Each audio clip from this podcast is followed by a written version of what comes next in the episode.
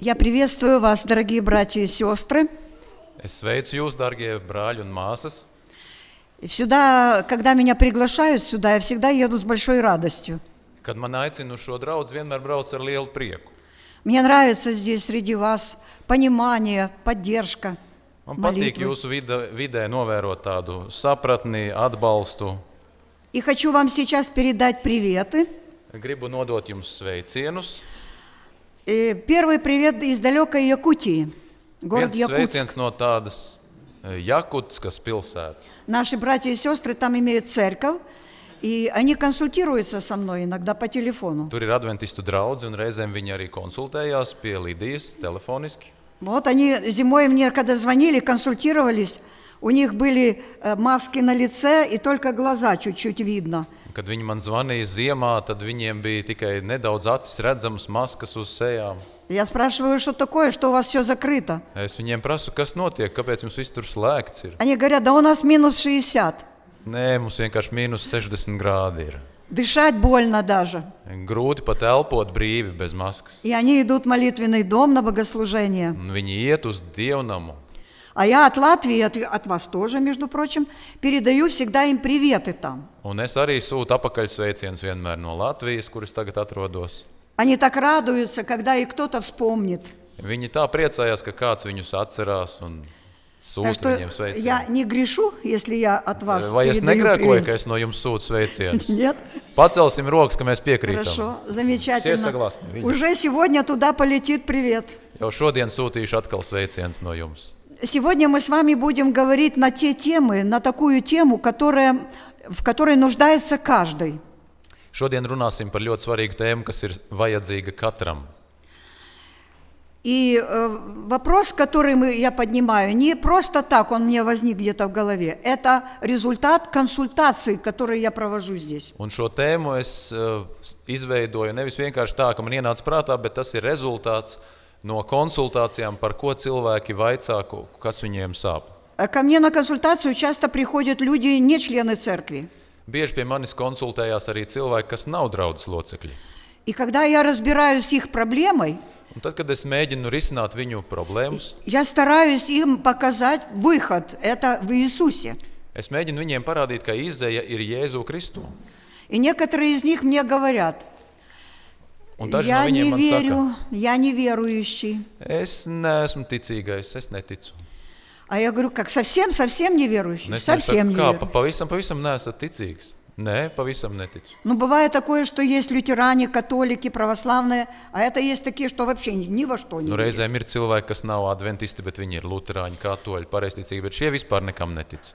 Я думаю, что это результат язычества, который был в древние, в древние времена на этой территории. Es domāju, ka tas ir pagānisma rezultāts, kas kādreiz ir bijis šajā teritorijā.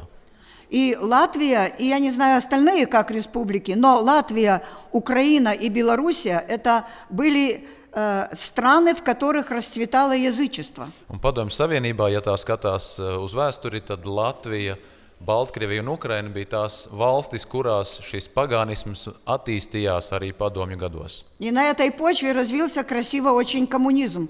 Un eh, šis bija tā kā tāds augsne arī komunisma attīstībai labāka. Люди не считают себя язычниками, но они говорят, что мы не верим, неверующие. Nu, viņi nesaka tagad, ka viņi ir pagāni, bet viņi saka, ka mēs esam neticīgie. И вы знаете, мне всегда больно э, за таких людей, Un Man vienmēr sāp sirds par tādiem cilvēkiem. потому что не имея основы веру, они не имеют опоры никакой. Jo, ja cilvēkā nav ticības, viņam nav uh, pamata nekam citam savā dzīvē.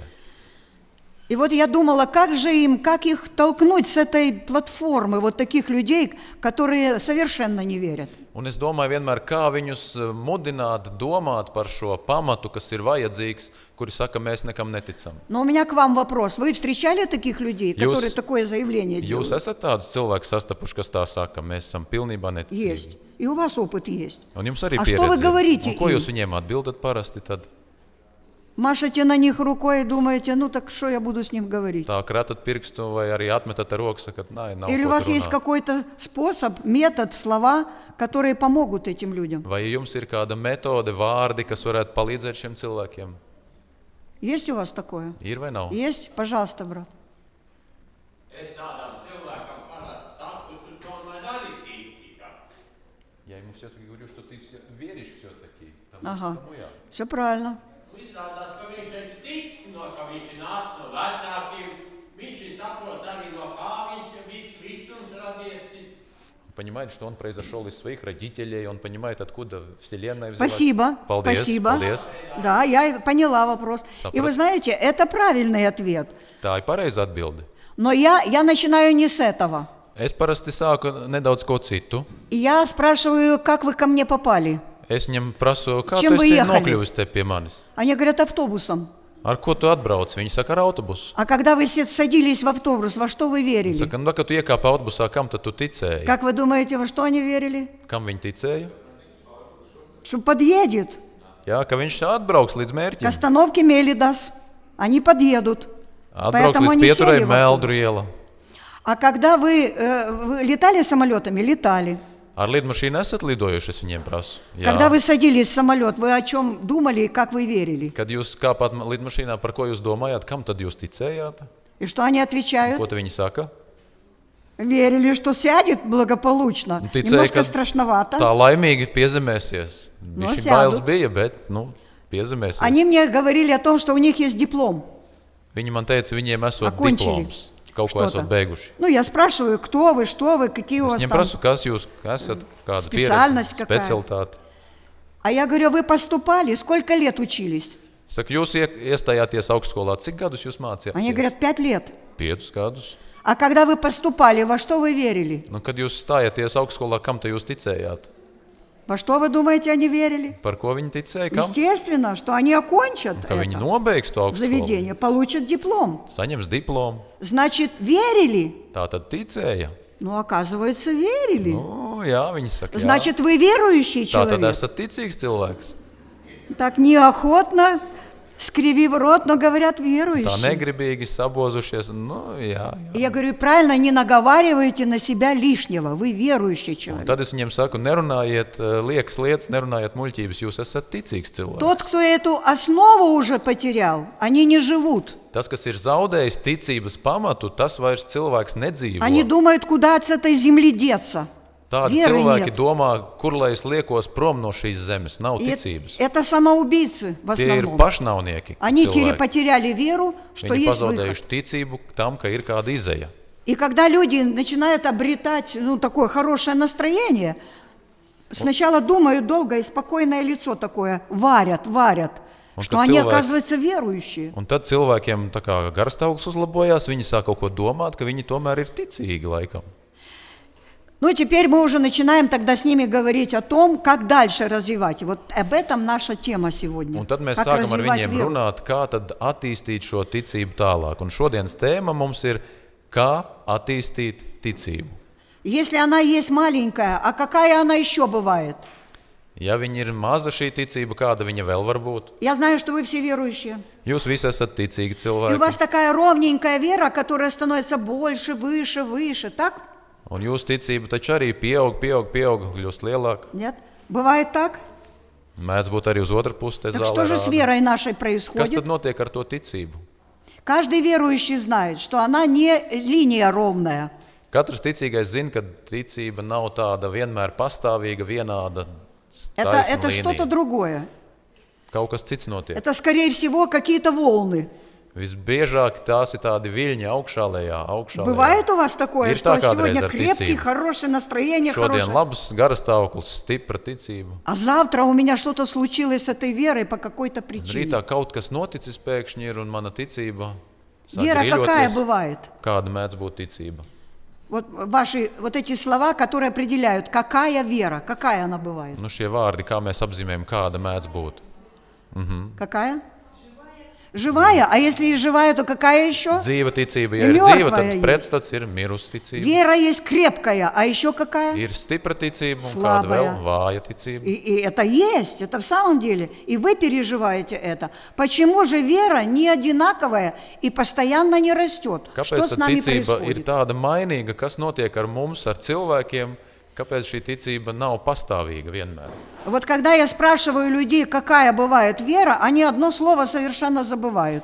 Kad es cilvēkiem prasu, kāda mēdz būt ticība, viņi aizmirst vienu vārdu.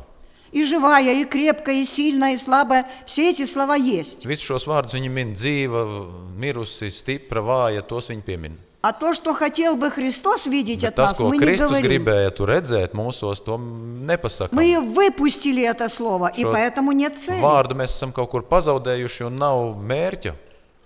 И знаете, какое это слово? Un kāds ir šis vārds? Kā jums liekas? А давайте мы прочитаем Евангелие от Мат- Луки, 18 главу, 8 стих. Izlasīsim Starā ir Lūkas evanģēlija 18. 18.8. nodaļa un 8. pāns. Но Сын Человеческий пришед, найдет ли веру на земле? Bet vai cilvēka dēls, kad tas atnāks, atradīs ticību virs zemes? Это о чем же Христос сказал? Par ko tad Kristus Lūkas 18 un 8? Par ko tad Kristus to teica? Оказывается, Христос будет искать веру на земле. Kad viņš nāks, ko viņš Вообще darīs? не будет viņš никакой meklēs ticību uz zemes un Это мы с вами, что ли, будем такие, что не покажем своей веры? Где вера? Vai mēs būsim tādi, kas ne, nera, neparādīsim vairs savu ticību, neapliecināsim to, kur būs pazudusi ticība? Сегодня мы будем вникать в этот вопрос. Я Šodien хочу, mēs чтобы вы iedziļināsimies посмотрели на а šajā одну jautājumā. картинку. Es vēlos, lai jūs paskatieties uz vienu bildīti. Как люди сегодня имеют э, вот вот такое, такие мысли. Нет веры, слабая вера. Вы мне подсказали, какая она. И слабая, и какая-то вянущая, и мертвая, всякая бывает. И вот человек задумался, вера-то у меня какая-то не такая. Un šeit cilvēks e, ir it kā aizdomājies, kas notiek ar manu ticību. Mana ticība kaut kāda nav īsta, nav riktīga. И человек ищет, что мне делать, где же эта вера, какая вера. Un cilvēks meklē, ko man darīt, kur ir tā ticība, kur lai es viņu atrodu, kāda viņa ir. И к этой теме еще и Христос добавил свои слова. Я приду на эту землю и буду искать веру. Найду ли вообще Un vēl šai сомнения? tēmai Jēzus tā kā pieliek e, šo smagumu. Viņš saka, kad es atnākšu, vai vispār es atradīšu ticību virs zemes. А сегодня нам надо разобраться, а если я найду какую-то веру, то как ее развивать? Куда развивать? Un Где šodien эти jātiek пределы? skaidrībā, ja Jēzus atradīs ticību, tad kā viņu attīstīt šo ticību? И вот когда мы начинаем разбирать эту тему, у нас появляется, я вам просто обещаю это, появляется видение, как развивать эту веру свою, которая у нас есть. Un mums vajadzētu būt priekšstatam pēc šodienas uzrunas par to, kā tad mēs varam attīstīt savu ticību. Поэтому я хочу вас спросить еще по школьным предметам. Tāpēc vēl uzdošu jautājumu par mācību priekšmetiem skolā. Ja, lai jūs Помните, такой atceraties. предмет вы изучали в школе? Геометрия. Atcerieties tādu priekšmetu geometrija. Изучали? И там есть один интересный такой э, фактик, который мы должны были запомнить. Есть фигура геометрическая, которая называется совершенство. Uh, ir tāda geometriskā figūra, pilnība. Какая? Нету, Какая нету фигура? такой фигуры совершенства, нету. Есть. Viņi saka, esot. Ehm, Taisni, kā lai Для krievis геометрии она, не для, не для нашей pasaka. головы. Nu, Pirmajā līnijā Нет. nebūs īstais. Krug, Круг, правильно. jā, pareizi. aplis, Почему jā. круг? Kāpēc Потому aplis? что все точки окружности, если это круг, от центра находятся на одинаковом расстоянии. Tāpēc, kad visi punkti uz riņķa līnijas atrodas vienādā attālumā no riņķa centra. Из всех фигур в геометрии это ст- я- а, единственная, которая называется совершенная. No visām geometrijas figūrām šī te riņķis ir uh, pilnība, ja pilnīga figūra. А поэтому Он давайте топец. мы обратимся к этой фигуре, Uh, pievērsīsim uzmanību šai figūrai geometriskajai. геометрической фигуре, изобразим нашу веру как круг. Un e, mēģināsim stādīties priekšā, ka ticība tas ir aplis. А теперь посмотрим, что будет. А ну-ка, давай переключай там. Вот. Вот, развивается наша вера. Вера есть, мы уже доказали это. Птицы и вера богатые есть, она может осталось. быть небольшая, слабенькая. Pat praktiskos jautājumos ir šī ticība, viņa var būt vāja. но она похожа на круг. А Viņa līdzīga ir Христос придет aplim. и будет искать веру. Какую он будет искать Un веру? Jēzus atnāks un meklēs ticību, kādu ticību viņš meklēs. Потому что мы точно прочитали, приду на землю, найду ли веру? Jo Jēzus prasa, vai atradīšu ticību, kad atnākšu. И вот наша задача теперь посмотреть, а как же вера укрепляется, как она растет, если у нас она маленькая была, слабенькая. Kā tad ticība var izaugt, ja viņa ir vāja vēl vai, vai maziņa šī ticība? И к- мы уже с вами убедились в том, что вера у нас есть. Даже если неверующий человек говорит, все равно вера у него есть. Mēs jau pārliecinājāmies, ka pat cilvēkam, kurš saka, viņš ir neticīgs, viņam kaut kam ir jātic, lai varētu virzīties uz priekšu. Но та вера, ко- о которой мы говорили, что у человека есть вера, когда он пойдет в магазин, летит самолетом или еще какая-то вера, вот такая вера. Эта вера называется на бытовом уровне. Bet šī ticība, ko mēs pieminējām par lidmašīnām, autobusiem un citām praktiskām lietām, tā ir tāda nu, eh, saim, saimnieciskas ikdienišķu jautājumu līmenī šī ticība. Выше, выше образования, выше магазина или полетов она не поднимается. Viņa Вот так вот nepaceļas вера. augstāk par šiem eh, praktiskajiem zemes eh, jautājumiem. А она должна быть совершенная. Bet ticībai ir jābūt pilnīgai. Вот мы будем идти по этой дороге. Как сделать ее Un совершенной? Mēs eh, dosimies tagad par šo ceļu, kā padarīt šo ticību pilnīgu.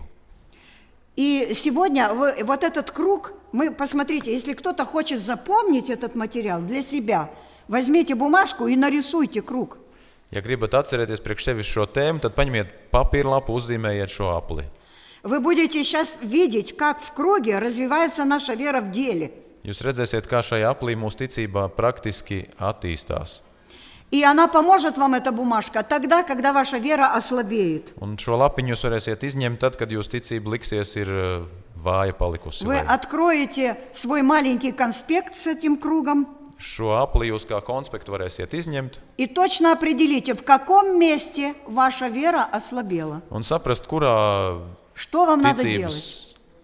šķautnē šī, šī problēma radusies, kāpēc šī ticība ir А kļuvusi это vāja. очень важно для нас, Un Tas ir ļoti svarīgi. потому что Христос придет и будет искать совершенную Jo, веру. kad Jēzus atnāks, viņš nemeklēs šo saimniecisko ticību, vai tu iekāp lidmašīnā vai autobusā, viņš meklēs pilnīgo И вот ticību. мы сегодня посмотрим, как она становится совершенной. Un mēs tāpēc skatīsimies, kā šī ticība kļūst pilnīga. И э, вот э, развивается вера, начиная с того, что человек определяет свои потребности, что они для него есть бытовые, на бытовом уровне. Это начало. Nu, ticības sākums ir šie saimnieciskie jautājumi, ikdienišķie jautājumi. И интересно, что нейрохирурги определили, что в мозге есть клетки, нейроны, которые отвечают за веру. Neiroķirurgi ir atklājuši, ka smadzenēs ir tādi neironi, kas atbild tieši par ticību. А вот это бы- бытовой уровень, это точно есть. Nu, Без Šis веры человек saimnieciskais жить eh, не может. līmenis, eh, neviens cilvēks nevar dzīvot bez ticības, bez šiem neironiem. А теперь э, давайте посмотрим, как же развивается вера. Если она развивается на бытовом уровне, это очень такая меленькая вера, бытовая. Saimnieciskā ticība viņa ir tāda ļoti maza ticības daļa, ja mazi, maza daļiņa no pilnīgās ticības, par ko runā Jēzus. Что хочет Христос? Поднять ее выше, Jēzus grib pacelt mūsu ticību augstākā на līmenī, каком-то более высоком уровне. pāri šiem saimnieciskiem jautājumiem. Клетки-то нейроны у нас есть, но они Neironi не ir развиты. smadzenēs, kas eh, to var nodrošināt, bet viņi nav attīstīti šie И что neironi. нам нужно знать в первую очередь и другим передать? Откуда же начинает расти высокая вера, божественная вера? Un tas mums arī citiem palīdzēs k- kādreiz dot varbūt, kādu ieteikumu, kā tad šī ticība nonāk līdz dievišķās ticības līmenim. Вот давай переключай там, что-то тут не получается. Посмотрите, вы все увидели, как стрелочка по- пошла? Давай еще раз. А вот. Значит, смотрите, стрелочка, откуда она пришла? No kurienes tā būtība Svēru nāca? No vīz. augšas nāca uz leju. Что там? Что там было такое, что оно спустилось в наш мозг? Un kas tur tāds bija no augšas, kas i- nonāk mūsu smadzenēs? Ефесянам апостол Павел, великий проповедник, апостол веры и любви, он рассказывает вот этот путь со всеми подробностями. Apstults Pāvils ir eh, eh, ticības un mīlestības apustulis, un viņš stāsta šo ticības ceļu eh, arī vienā no savām vēstulēm, vēstulē Efeziešiem. И что он написал? Вторая глава, восьмой стих. Vēstule Efeziešiem 2. nodaļa, Ефесянам. 8. pāns. Ефесянам 2.8. «Ибо благодатью вы спасены через веру, и сие не от вас, Божий дар». Jo no žēlastības jūs esat pestīti ticībā, un tas nav no jums. Tā ir Dieva dāvana. Итак, веру приобретает через что? Познание чего? Ticību mēs iegūstam caur kā atziņu, Благодать. Откуда Раскрыть. пришла благодать? Вы видите стрелочку. no žēlastības. No kurienes tad nāk žēlastība? Būtiņa. Человек начинает понимать, что есть выше, чем бытовой уровень веры. Что-то другое, что-то более высокое. Šī žēlastība tieši palīdz cilvēkam saprast, ka ir kaut kas pāri šiem ikdienišķajiem jautājumiem, kaut kas augstāks. А это что-то более высокое – это духовные вопросы. Un tie ir garīgi jautājumi. И он начинает понимать, что он, во-первых, видит, слышит, у него руки, ноги есть. И это удивительное строение тела не просто так появилось само по себе, во что он раньше верил. Un pateicoties Dieva žēlastībai, cilvēks sāk aizdomāties, ka viņam ir rokas, kājas, tas nav pats par sevi saprotams, tas no kaut kurienes nāk. Мы должны знать, как устроено наше тело, чтобы доказать человеку, что это что-то необыкновенное. Mums jāzina, kā ir uzbūvēts mūsu organisms, lai varētu pierādīt cilvēkam, ka tas ir kaut kas unikāls. И это не могло появиться вот просто Un так. tas nevarēja rasties vienkārši tāpat. Э, Настоящие хорошие профессора, медики, они определенно удивляются не просто телу человека, а участкам тела. Tādi patiesi medicīnas zinātnieki, viņi arī paši izsaka abrīnu par to, cik unikāls ir cilvēka organisms. Как устроена рука, как устроен глаз, как устроено ухо. Kā ir veidota roka, eh, acs, auss. Но самое большое, как ustроен мозг. Nu, pats lielākais brīnums, kā smadzenes ir veidotas. Это орган, который изучают тысячелетиями, и до сегодняшнего дня много открытых вопросов. šo cilvēka orgānu pēta gadu desmitiem, bet joprojām ir neatklāti un neskaidri jautājumi par tā И darbību. когда человек мыслит вот такими категориями, Kad cilvēks sāk domāt šajās он kategorijās, начинает понимать, что Творец есть. viņš sāk saprast, ka ir jābūt kādam radītājam aiz vis tā. И вот когда он начинает эту теорию познавать, как человек потерял многое и как он может приобрести, это первые шаги развития веры. Un tad, kad cilvēks sāk par šiem jautājumiem aizdomāties par radītāju, ka viņš kaut ko ir pazaudējis no tās saiknes, tad jau sāk attīstīties ticība. Tas Человек ir pirmais начинает posms. понимать, что такое грех, Viņš sāk откуда он, saprast, как kas ir избавиться. grēks, no kurienes viņš nāk, kā no grēka atbrīvoties. Это начинает развиваться, увеличиваться вера. Через что? Через благодать. Un tā sāk attīstīties ticība caur dieva žēlastību. И вы спасены через веру. Un pestīti mēs tiekam caur ticību. Благодать и вера очень связаны между собой. Žēlastība un ticība ir savā starpā ārkārtīgi cieši saistītas. Благодать мы можем получить как грешники через что? Žēlastību mēs satveram kā, kā grēcinieki caur ko? Только через веру. Tikai caur ticību. Вот это начало развития нашей Ja веры. tas ir sākums mūsu ticības attīstībai. Христос дает нам свою благодать, милость свою, Dievs dod mums savu žēlastību, и мы верим, что Христос это нам дает всегда, когда мы верим и просим. un mēs uh, esam pārliecināti, ka Dievs vienmēr to dod, tad, kad mēs pēc tā lūdzam viņam savā lūgšanā. А теперь к вам вопрос. Ticam tam. Un tagad jau Вы встречали таких людей, Вы я которые состав пустила, да? верят, что Христос за них умер. kuri tic, ka Jēzus par viņiem ir nomiris, Они верят, что они любят Христа, viņi mīl Kristu.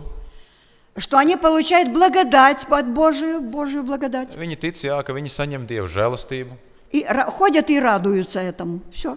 un staigā A čo un ešte par to bolšie mali? priecājās. Nu, kas vēl vairāk vajadzīgs cilvēkam? Они всем говорят, благодатью вы спасены, вы спасены, и вы спасены, Un все viņi visiem спасены. saka, visi ir glābti Dieva žēlastībā. Jūs esat glābti, tie ir glābti cilvēki, tie arī ir glābti žēlastībā. И они радуются этому, и вас призывают, радуйтесь. Un viņi staigā un priecājās, un arī jums saka, priecājieties par to, vairāk nekas nav Вы vajadzīgs. знаете такие церкви, Zināt, которые ir так tādas pat проповедуют? baznīcas, kuras to viens sludina. И вот они верят, у них есть вера, есть вера. Un viņi tic, stipri tic, viņiem ir šī Но ticība. когда мы ее помещаем на свое место, вы посмотрите, сколько еще надо вперед расти. Bet, kad mēs šajā aplī ieliekam šo žēlastību, tā ir tikai ceturtā daļa. Vēl ir vajadzīga attīstība Они, tālāk. они зас- застреют на вот этом одном, вот этой части, в этом Viņi секторе. it kā iesprūst šajā vienā sektorā, ceturdaļā riņķa. Они верят, что благодать есть, и все, им больше ничего не надо. Viņi tic, ka ir šī žēlastība un vairāk nekas nav vajadzīgs. Даже миссионерской работой zaнимаются так. Nu, pat misijas darbā viņi tikai šo šķautni Идут по apskata. городу и говорят, Iet pa pilsētu un saka, вас Иисус любит, Dievs, Jēzus, vas jūs mīl, ļubit. un jūs arī mīl. и мы радоваться должны, Un mums все, что нас Иисус jāpriecājas par любит. to, ka Всё. Jēzus mūs visus mīl. И радуйтесь так и до конца жизни своей, Un радуйтесь. tā turpiniet priecāties, līdz dzīves beigsies jums par to. Но когда мы читаем Библию, да там мало радости, это маленькая вера. Un, kad mēs lasām Bībeli, tad eh, nevienmēr tur ir tikai šis prieks, prieks, prieks. А что eiforija. дальше происходит? Bet kas tālāk notiek ar И это ticību? всего, мы знаем, что это не все, что-то должно быть еще. Mēs zinām, ka tas nav viss šajā riņķī. А вот что должно быть еще? Это мы можем прочитать э, Par to mēs Например, varam izlasīt. в Ефесянам дальше, когда говорит апостол Павел, как должна развиваться вера. Tālāk vēstulē Efeziešiem viņš attīstīja arī šo tēmu, kā jā, jāattīstās ticībai.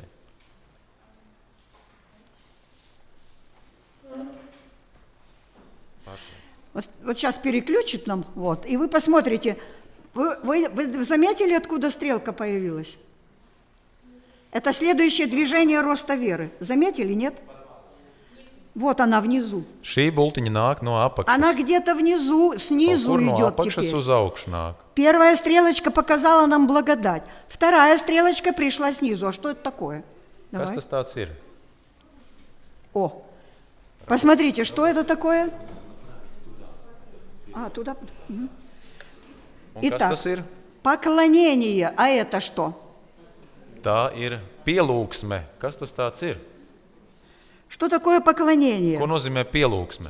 Вы пришли сюда зачем в, эт- в этот Kāpēc jūs te молитвенный дом? atnācāt uz šo lūkšanu namu В šodien? субботу мы поклоняемся Sabatā mēs Господу. pielūdzam И Dievu. что вы делаете, чтобы доказать, что вы Un ko поклоняетесь? jūs darat, lai parādītu, ka jūs pielūdzat? Что вы делаете? Ko jūs darat?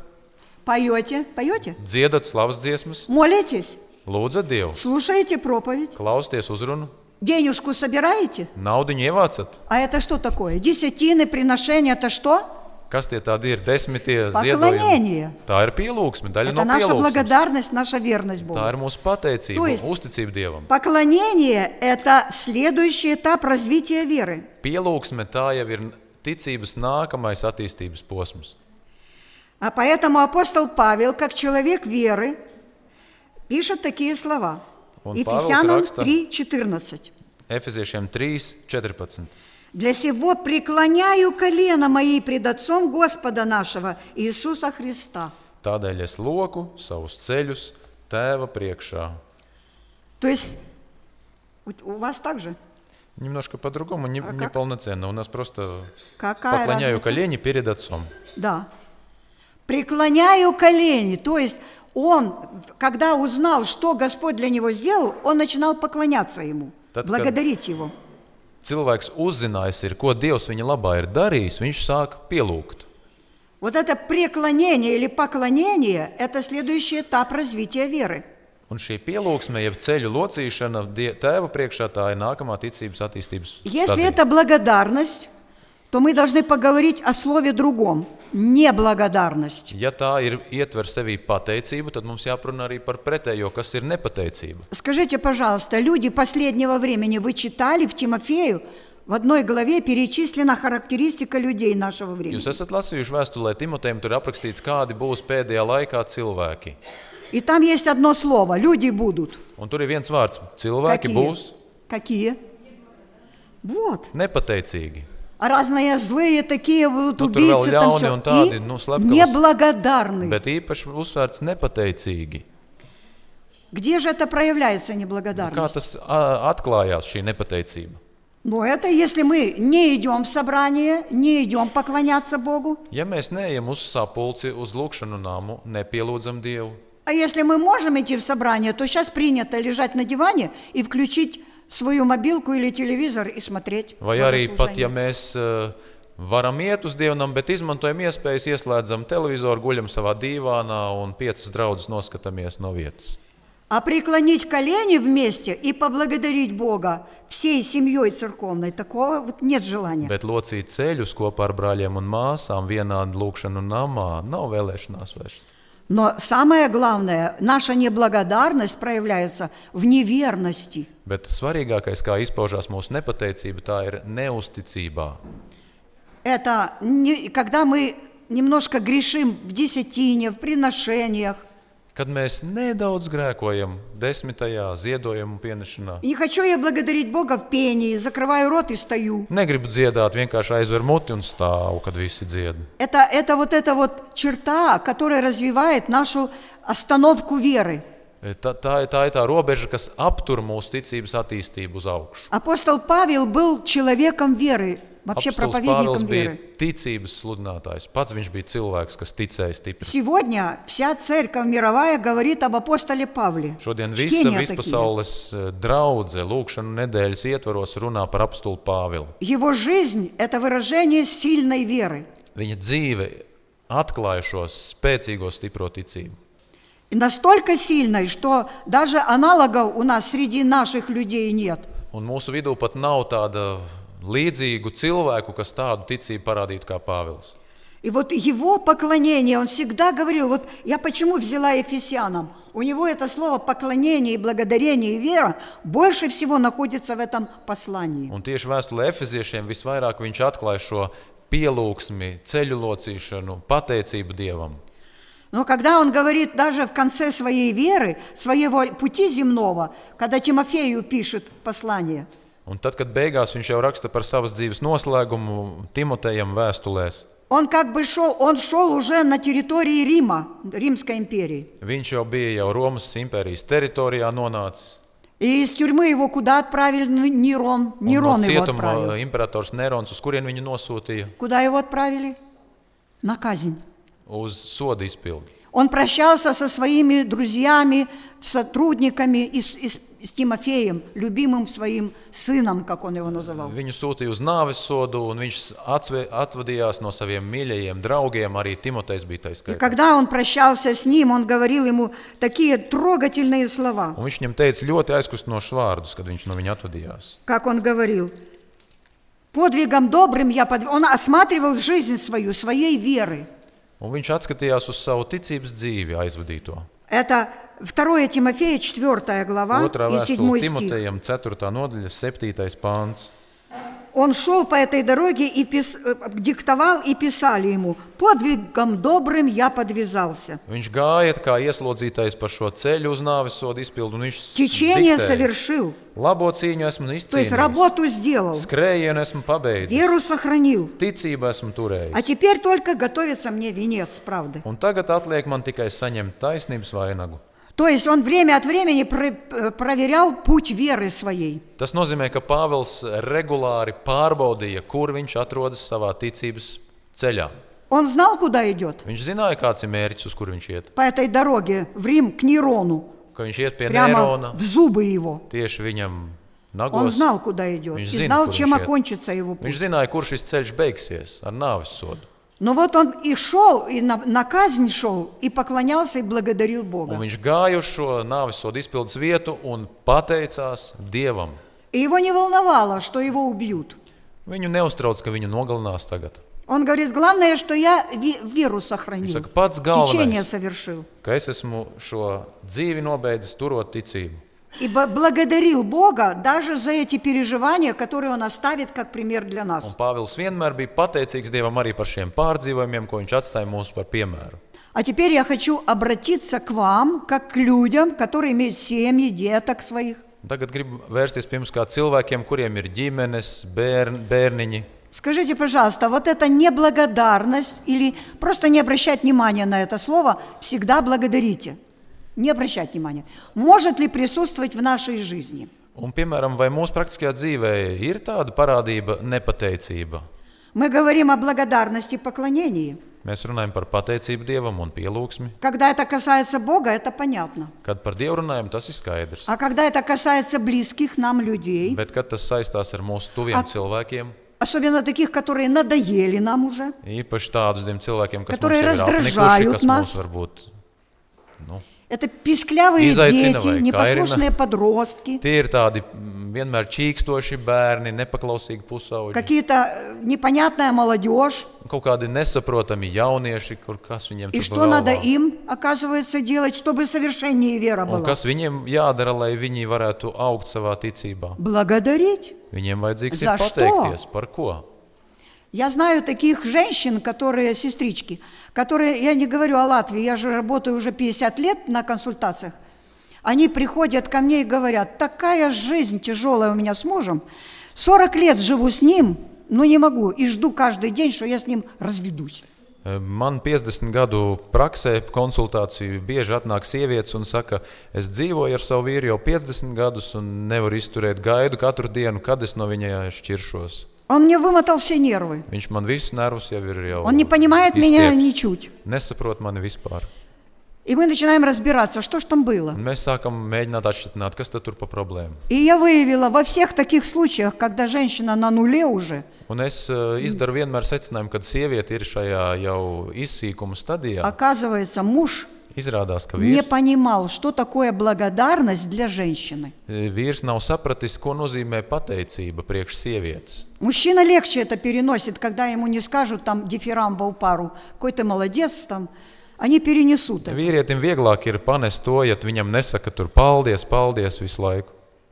А вот женщина, когда ею никто не благодарит, у нее теряется все, и настроение, и здоровье, и Bet, всё. kad sievietei neviens nepasaka paldies, viņai pazūd viss noskaņojums, garstāvoklis. И вы знаете, что я сейчас заметила? Все женщины медленно повернули голову в сторону своих Un es мужей. ievēroju, ka visas s- māsas šeit, eh, kurām ir vīri, tā mierīgi pagriež galvu uz vīru. И это pusi. так, это правda. Un Tā ir realitāte. Женщина без благодарности болеет. Sieviete bez pateicības saņemšanas, viņa ir slima, viņa slimo. tā kā. Первая психологическая потребность женщины – это благодарность. Pirmā sievietes psiholoģiskā vajadzība ir pateicība. И Saņemt мужчины pateicību. изобретательнее, у них же логика и анализ больше работают. Они должны изобретать, за что сегодня поблагодарить Nu, жену. vīrieši taču ir tādi radoši, spējīgi. Viņi tā kā var izdomāt, par ko pateikties sievai šodien. Но если мы э, skажем, ну, женщины должны ли благодарить мужьям? Nu, Daudz bet, ja ne- mēs uzdosim jautājumu, vai sievietēm ir jāsaka paldies vīriem, Мне, я спрашиваю и у мужей, вы хотели бы, чтобы вас Не, ну, с Вирем жены так отправился, поддерживали и изгребает, благ- лай, севус ему с- благодарили? pateiktos par kaut ko. Только чтобы дифирамбом не пели по полчаса, да? Только короткая такая благодарность. Nu, tikai laikam jūs negribētu tādas gāras pateicības, nu īsi vienkārši. А что это, как это называется? Un kā to sauc? Это не благодарность, а это признание его плюсов.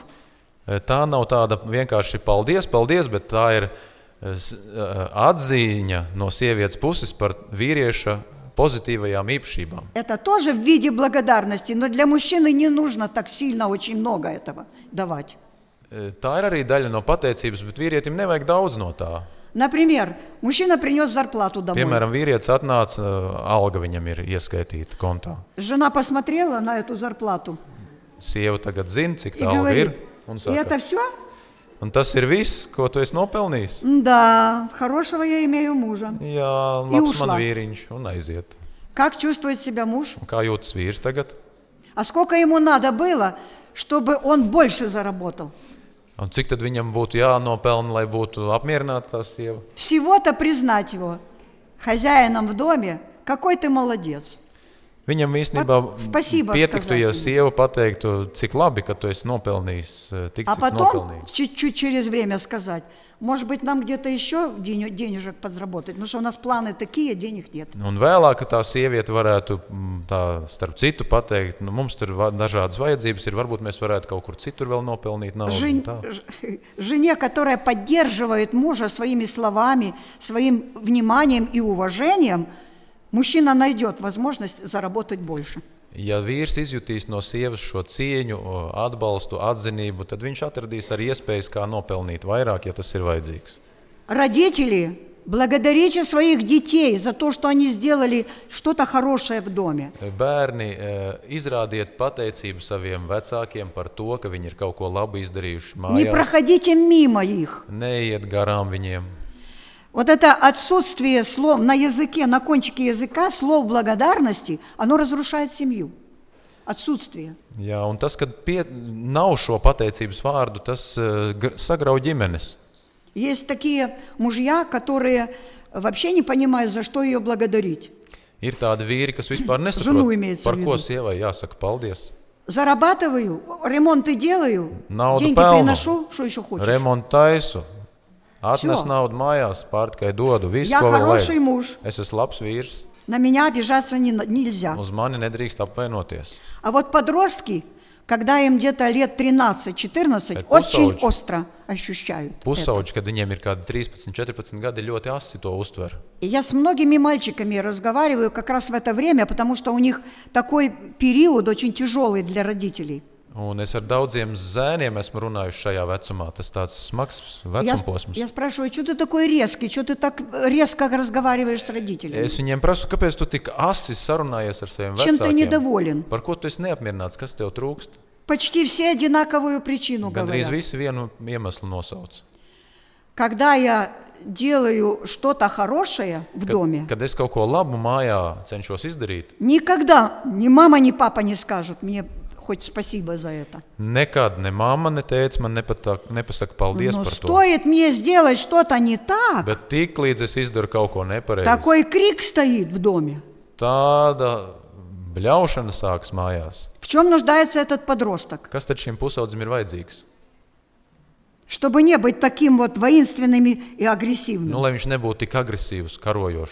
Он нуждается в добром слове, Viņam vajag благодарности. vienkārši labu vārdu, pateicības vārdu pateikt. И вы хотите иметь хороших лю- молодежь хорошую? Gribat Благодарите labu, их. labu jaunatni izaudzināt, tad sakiet viņiem pateicību. Конечно, я не говорю, что надо бегать за ними, ах, какой ты хороший, ах, какой ты красивый. Protams, es nesaku, ka vajag skraidīt pakaļ visu laiku, katru dienu teikt, vai cik tu esi labs, cik tu esi skaists. Но если он сделал что-то хорошее, Bet ja reiz viņš ir izdarījis kaut ko обязательно labu, поблагодарите. Obligāti pasakiet, paldies. Итак, поклонение – это второй этап развития нашей веры. Tā tad um, pielūgsme un pateicība ir otrs ticības attīstības posms. И я думаю, что вы это запомнили. Es ceru, ka jūs to atcerēsieties. Если вы неблагодарны, у вас не хватает развития веры второй Ja ступени. jūs esat nepateicīgi, tad šis otrs ticības posms nedarbojās. И Христу мы благодарны, и родителям благодарны, и детям, и женам, и мужьям. Mēs varam būt pateicīgi gan Kristum, gan eh, bērniem, un sievām un vīriem. Я забыла одно, одного, одну должность такую, которую тоже надо благодарить. Es aizmirsu vēl vienu personu Это я вам nosaukt, по секрету скажу. kurai jāsaka Это paldies. пастор. Un Tas ir eh, sludinātājs Он draugs. тоже нуждается как мужчина, как ответственное лицо в словах благодарности. Arī viņam vajag eh, kādu pateicības vārdu, viņam tas ir nepieciešams. Viņa А вот darbā. дайте, давайте посмотрим дальше, как развивается вера. Un Palūkosimies tālāk, kā attīstās ticība. Откуда пришла? No kuras puses Извне. Что-то тут извне получается. No ārpuses kaut kas, no Э, Что это такое? kreisās puses, kas tas tāds varētu būt. Вот оно оказывается что. Где развивается вера дальше? Общение. Tā ir um, sadraudzība, jeb komunikācija. А почему мы можем поверить и поблагодарить Бога и сидеть дома? E, Domā ka- sēdīt. jā, kā tad mēs Почему varam? нет?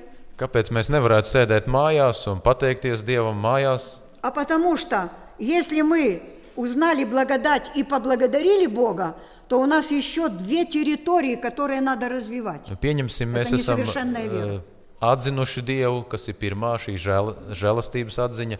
Esam viņu pielūguši Dievu un pateikuši paldies. Ar to ticību neapstājās. Ir vēl divas. Многие люди сегодня Щаутность. именно в этом мер- э, месте теряют веру. Un mūsdienās tieši šajā trešajā šķautnē daudzi, tas ir iemesls, kāpēc Они daudzi просто zaudē останавливаются. ticību. Viņi apstājās šajā punktā. Если они останавливаются, вера не не- может быть совершенной. Apstājās šajā punktā, ticība nevar būt kļūt pilnīga. А Христос пришед на нашу землю, что будет искать? Un kad Kristus atnāks, viņš kādu ticību meklēs? Совершенную веру. Pilnīgu ticību. Значит, тре- в- в третий пункт или э, шаг развития веры – это именно вот это Un общение. tāpēc šis, šī sadraudzība ir tik svarīgs eh, faktors ticības attīstībā. И теперь как же может быть общение, когда не всегда хорошо туда, где я прихожу поклоняться? Un bieži varbūt kādam rodas jautājums, kā tad var šī sadraudzība attīstīties, ja es tur nejūtos tik labi, tur, kur es atnāku. У вас всегда все хорошо, когда в церкви вы находитесь год, два, три, все так совершенно, так красиво, так хорошо, никаких расстройств. Люблю церковь и прихожу с удовольствием. Vai Всегда draudzē, так kad jūs бывает. esat gadu, divus, trīs, vai vienmēr jūs jūtaties tā labi, ērti, nav nekādu uztraukumu, Боитесь сказать, да? baidaties pateikt laikam. Так дело в том, что это неприятно говорить, Tāpēc, ka tas ir nepatīkami runāt par to. потому что в церкви разные люди, и Представь. по-раznому они поступают. Draudzē ir dažādi cilvēki, viņi rīkojās dažādi. Они вас иногда огорчают здесь, Reizēm в церкви. viņi sarūktina kādu cilvēku. Что-то не нравится нам, Kaut kas nepatīk vienam un что-то мы otram. хотели бы изменить. Mēs kaut ko gribētu citādi darīt. Бывает это у вас? Mēdz tā būt jums. Если бывает, это нормальная церковь. Ja tā e, ir, tad tā ir normāla draudzene. А если этого не бывает, что вам что-то не нравится, это вы прихожанин, а не член церкви. Bet, ja jūs neesat ieinteresēti tajā, kas notiek draudzē, ja jūs esat vienaldzīgi, tad jūs esat vienkārši e, nu, nominālie atsēdētāji, ja tā varētu teikt. Пришли, посидели и ушли. Atnācāt, atsēdējāt, aizgājāt. А зачем это Бог ввел как третий пункт развития веры, общения? А Kāpēc tad Dievs ir veidojis šo sadraudzību, komunikāciju kā trešo ticības А если я attīstību? не хочу коммуницировать, я не хочу встречаться, мне хорошо одному. Negribu nevienu satikties, piemēram, bet ja man ir labi vienam pašam. Может, я интроверт, Es esmu и introverts. мне не cilvēks. нравятся большие э, э, такие группы. Man nepatīk lielas sabiedrības. А Бог говорит, что? Bet Через Dievs saka, Павла опять же говорит, Caur евреям Pāvilu 10 saka, главе 25 Ebrejiem стих. 10. nodaļā, 25. И что pāns. там он говорит? Ko viņš tur saka? Кто-то знает на Kāds память zina no это? galvas, vai ā, varētu uzminēt? 10 глава, 10. nodaļa, 25 стих. 25. pāns. Правильно, правильно. Не оставляйте собраний ваших, как у некоторых есть обычай. Neatstājiet savas sapulces, kā daži paraduši. Не оставляйте собраний. Почему? Kāpēc Pāvils saka, neatstājiet sapulces? А дело в том, что общение в церкви придумано Богом для того, чтобы нам усовершенствоваться в вере и в нашем поведении. Lieta tāda, ka Karakteri. Pāvils ā, atklāja to, ka sadraudzībā ir liela nozīme, lai mēs varētu attīstīt gan ticību, gan arī savā raksturā augt. Я, когда п- только вышла замуж, и мы приехали с мужем сюда, в Латвию, и были у родителей Виллиса. Kad es n- tikai eh, laulājos ar savu vīru, un mēs atbraucām ciemos pie viņa vecākiem. Viņš bija Latvijas. Ну вот папа сказал мне, я тебе хочу сделать экскурсию на мою работу, где я работаю. Un eh, viņa vīra, tē, viņas vīrtēvs tad teica, es gribu tevi aizvest ekskursijā uz savu darbu vietu. И мы с ним пошли на его работу. Он на железнодорожном вокзале работал. Viņš strādāja Bet dzelzceļa es tam- stācijā. Mēs aizbrau, aizgājām, У него была мастерская такая tur небольшая. viņam bija neliela darbnīca.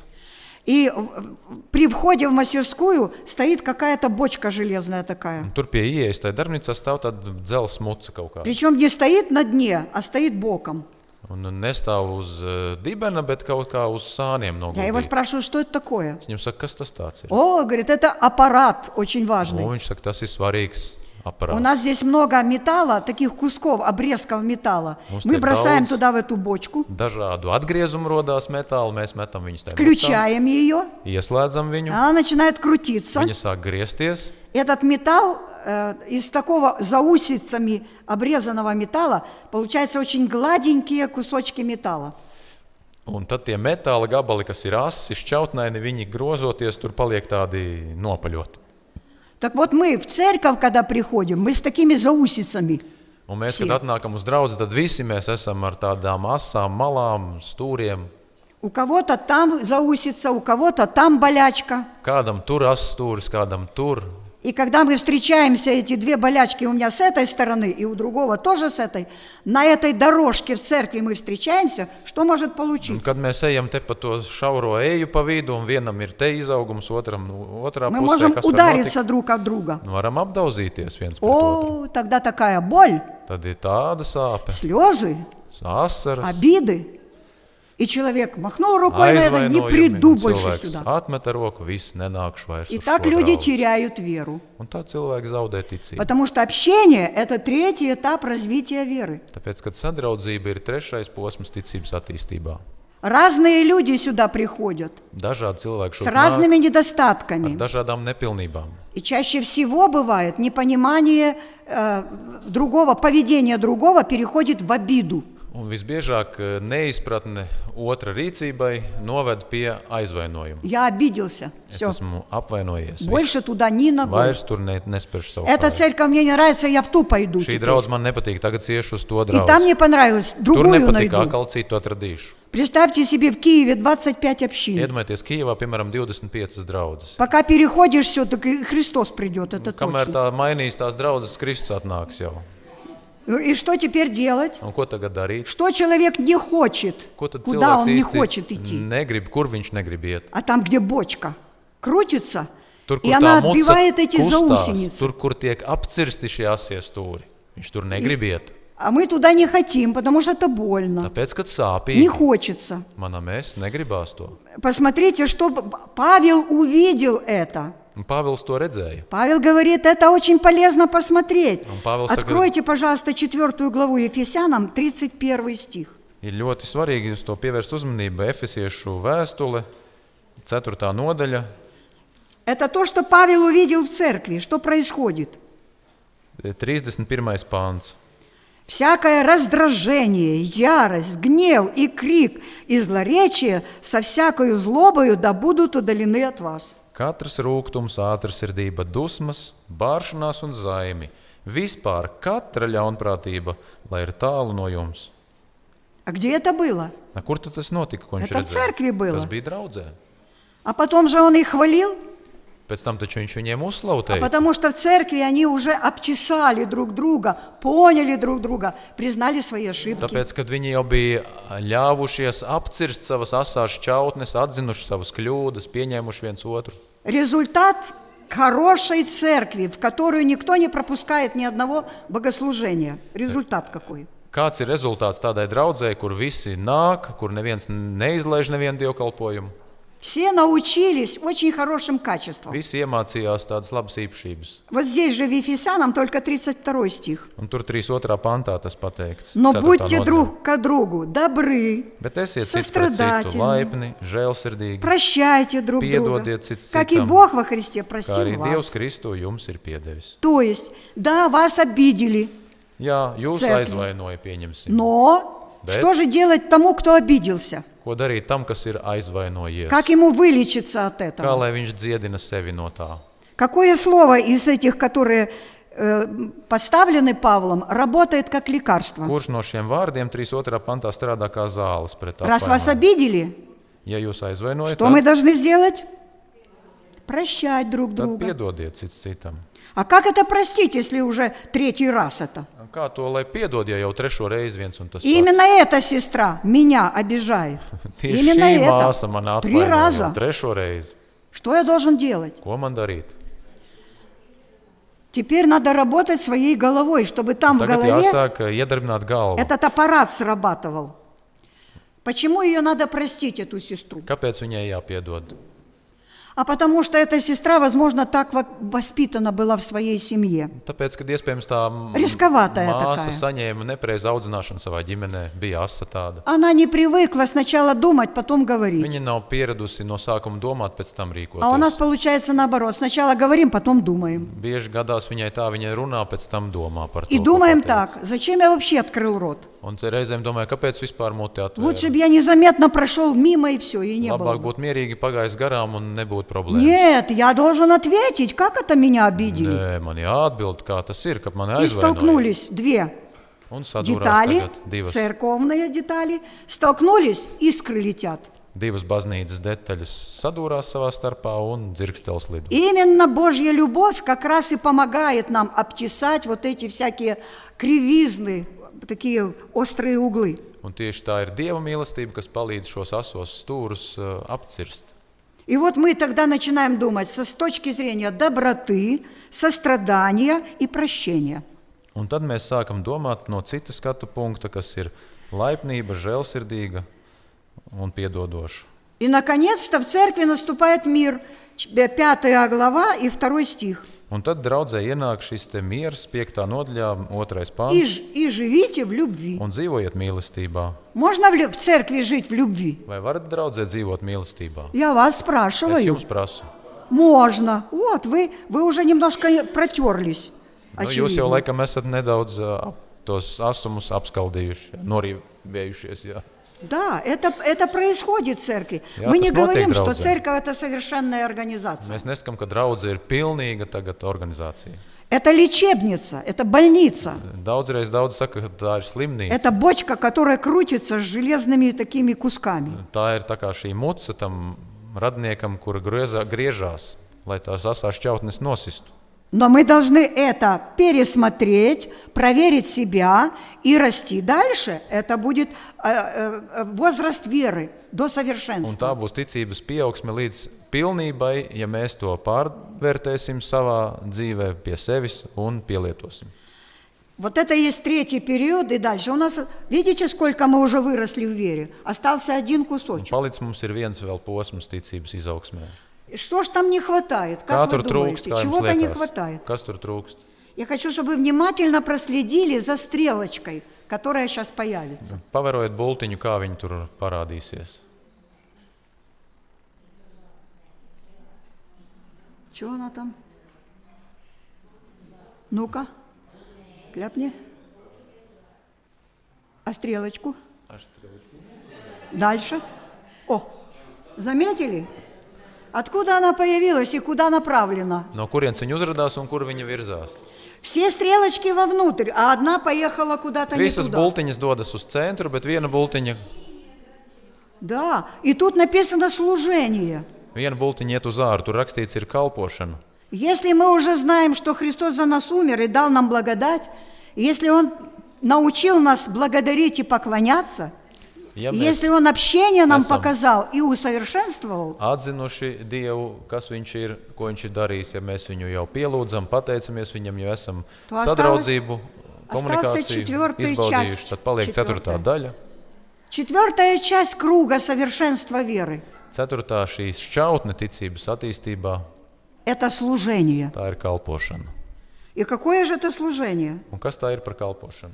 Мы думаем, ну так что мы? Мы служим, мы поем.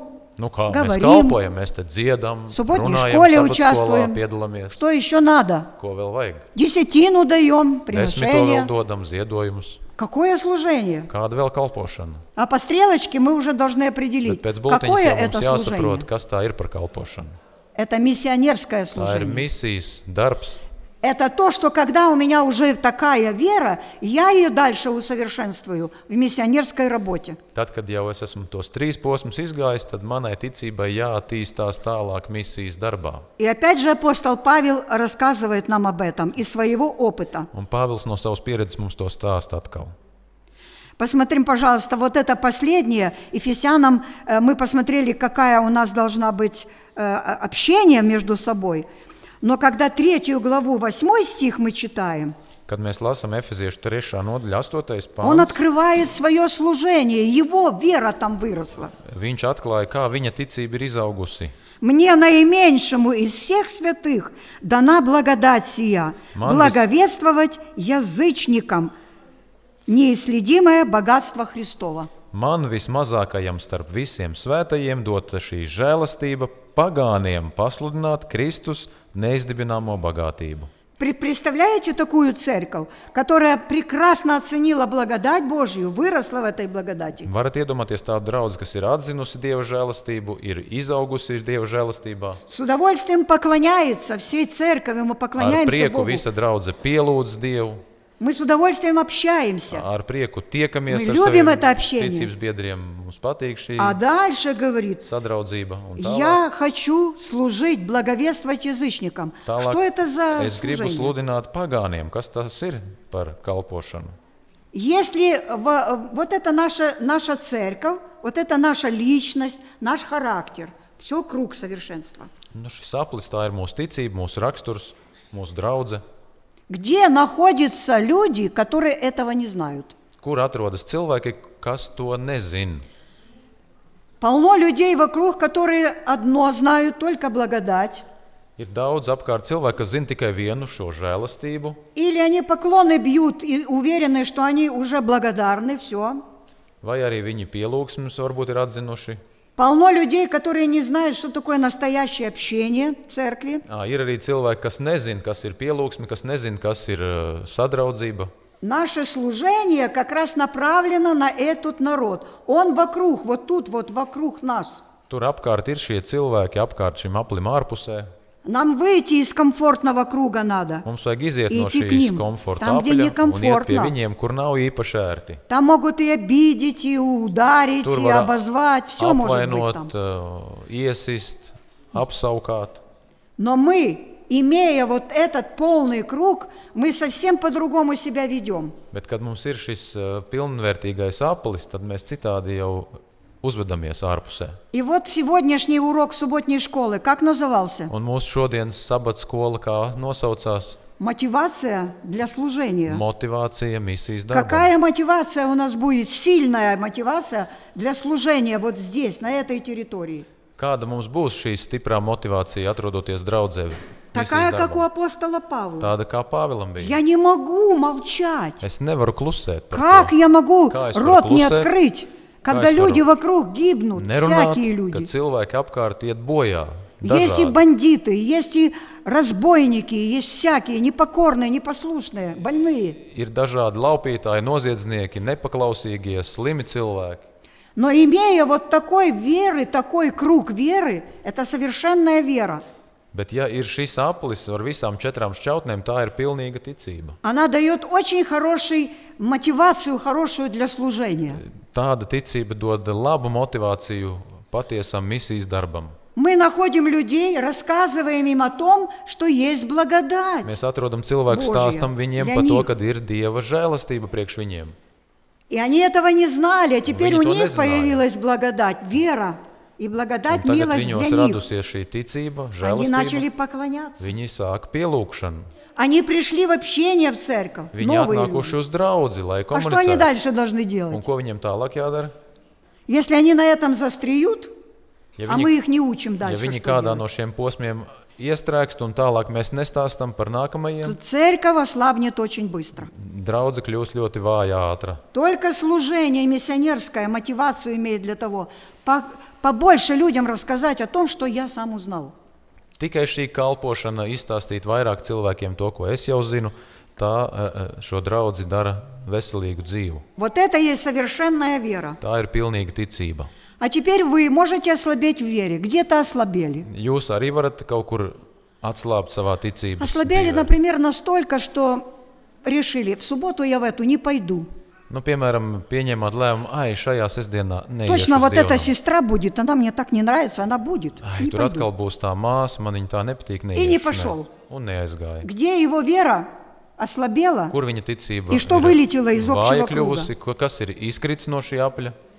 общение. Sadraudzība. Уже этого нет. Может ли он в служении участвовать, когда у него вера какая-то? Vai он не viņš var хочет идти? vispār piedalīties misijas darbā, ja viņam nav šīs sadraudzības? То есть этому человеку, который, например, подумал, не пойду, ему ну- нужно взять эту бумажку, которую вы могли бы нарисовать и положить в Библию. Piemēram, I tādam pasmatrīt. cilvēkam ļoti palīdzētu tāda lapiņa, kur būtu šis aplis uzzīmēts, kur tad viņš ir iestrēdzis. И можете посмотреть тогда, где ослабела ваша вера. Kur tā ticība, kurā posmā ir kļuvusi vājāka? То есть, например, вы идете на служение, но не хочется отдавать так много денег. Десятина получается большая. Piemēram, jūs ejat uz dievkalpojumu, Žaltavāta. bet negribās tik lielu desmito nolikt, kaut kā žēl. Или какие-то там дары, сборы. Vai kaut kādu ziedojumu. Опять будут просить деньги, не пойду. Nē, nē, neiešu. Что у него хромает у этой веры? Kas tur klibotai ticībā? Поклонение. Pielūgsmes jautājums. И каждый может о себе сделать вывод, Un katrs par какой sevi var уровень веры у izdarīt него. eh, secinājumu, kāds ir viņa ticības līmenis. Потому что мы знаем первый стих, который мы читали. Mēs zinām pirmo pantu, ko mēs šodien lasījām. Луки, 18 глава, 8 стих. Lūkas 18, 8. pants. «Но Сын Человеческий пришед, найдет ли веру на земле?» Bet cilvēka dēls, kad tas nāks, vai viņš atradīs ticību uz zemes? Вот это и есть вывод нам сегодня, чтобы мы смотрели, какая вера у нас.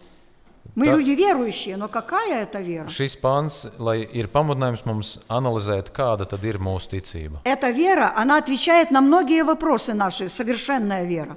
Šī pilnīgā ticība atbild uz daudziem jautājumiem mūsu dzīvēm. Так возьми там кадрик один, еще один кадр, и вы посмотрите, на какие вопросы вам надо ответить. Первый вопрос, который у вас появляется, когда вы пришли в церковь. Иисус любит меня. Pirmais jautājums, kas rodas atnākot uz draugu, Jēzus mani mīl. И Иисус любит меня – это радостная весть. Tā ir priecīga ziņa. Не надо на ней останавливаться, Nevajag ar to apstāties. потому что развивается вера. Я люблю Иисуса. Ticība tālāk attīstās ar to, Tā ka atviet- es mīlu Jēzu. Tā Вот это atbilde хорошо, и я люблю Иисуса. Есть много вер, которые только две этих имеют секты. ir daudzas eh, konfesijas, kur ir tikai šīs divas И они čaukas. довольны этим. Viņi apmierinās ar Но в to. общении мы приобретаем еще одну любовь. Мы любим друг Bet друга. sadraudzībā mēs attīstām vēl vienu šķautni, mēs mīlam cits citu. Мы тут научились любить друг Mēs друга. te, ie- Хорошие, tieši te плохие, разные. iemācījāmies labi un ļauni un dažādi cilvēki mīlēt viens otru.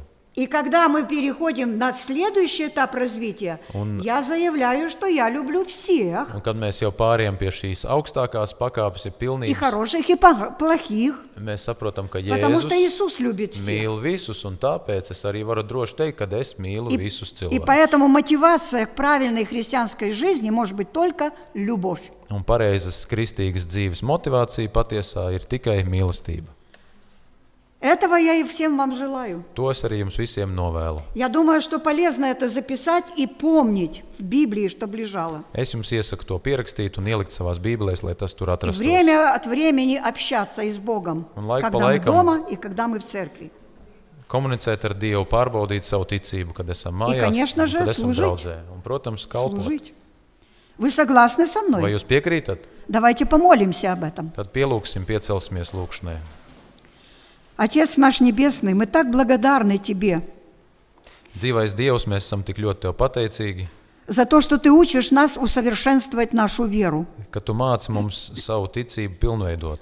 Мы сегодня увидели, как должна развиваться наша вера. Mēs šodien ieraudzījām, kā mūsu ticībai ir jāattīstās. Помоги нам критически относиться к себе и к своим поступкам, мыслям. Palīdz mums attiekties eh, kritiski pret savu rīcību, savu, savām domām, Чтобы вера наша была совершенной, когда ты придешь, ты увидел нас. lai mūsu ticība varētu būt pilnīga, lai tu mūs ieraudzītu kā tādus, kam ir pilnīga ticība.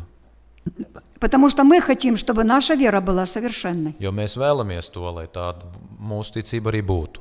Мы твои дети, мы слабые. Mēs esam tavi bērni, bet esam vāji.